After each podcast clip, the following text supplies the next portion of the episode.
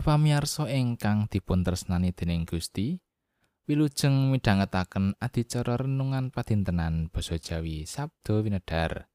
Mitra saben ari marsudi ati. Ing dinten menika kita badhe ngraos-ngraosaken sabdanipun Gusti.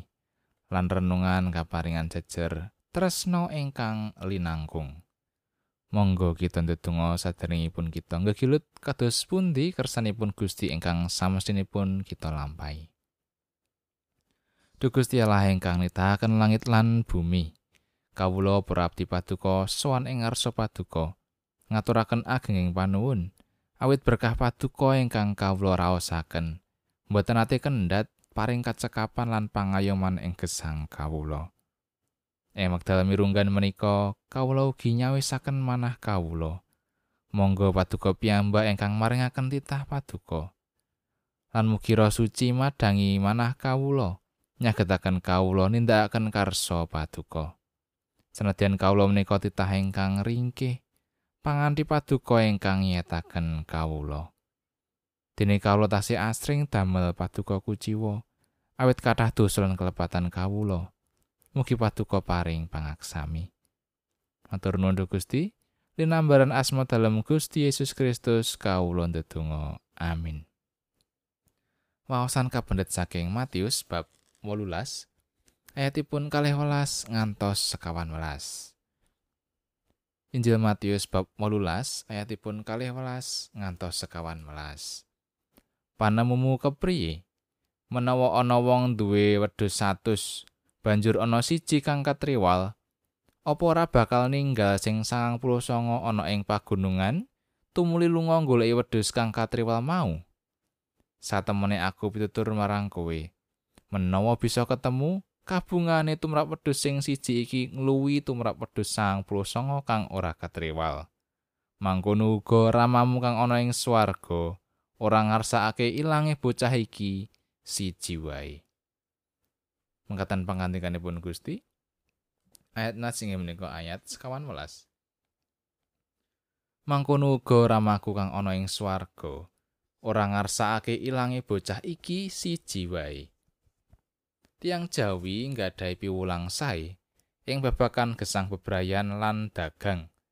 Inggih menika tuna satak badi sanak. Piwulang menika ngemu teges nalika sami dagang boten dados menapa menawi tuna utawi rugi barang sekedhik ananging pikantuk pitepangan malah saged ndadosaken tiang sanes kados dene sederek. Utawi sanak awit pasederekan ing antawisipun sesami menika tumraping tiang Jawi nglangkungi ajining bondo. Sesambetan ingkang sae wonten antawisipun sesami ugi kaanggep langkung mirunggan menawi kabandingaken kalian barang darbe kita makatan ugi katresnaning Gusti Allah dhateng umat kagunganipun. Sedaya manungsa titahipun Gusti Allah nampi katresnan ingkang linangkung. Kados dene mendos tunggal ingkang katriwal lan dipun padosi dening pangenipun. Makatan ugi anggenipun Gusti Allah madosi titahipun ingkang katriwal awit saking katresnanipun. Ing pasemonipun Gusti Yesus nggambaraken agenging katresnanipun Gusti Allah dhateng setunggal manungsa ingkang ketriwal kanthi anggenipun madosi ngantos nilar mendo-mendo ingkang boten ketriwal. Sinaosa gunggungipun langkung kathah nggih menika sangang dosa songo. Lumantar Gusti Yesus kang putra ontang-anting, Gusti Allah meratelaken katresnanipun.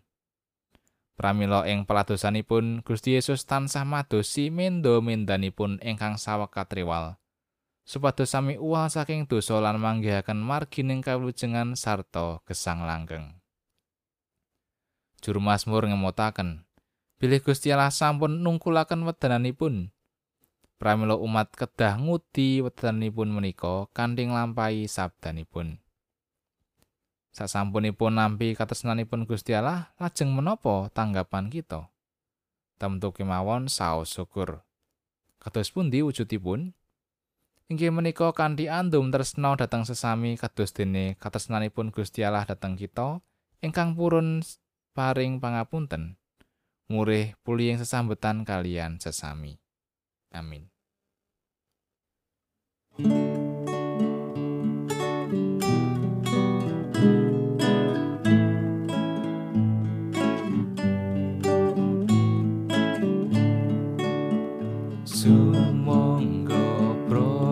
Prakanca misung songken kesan getatyo pramitra.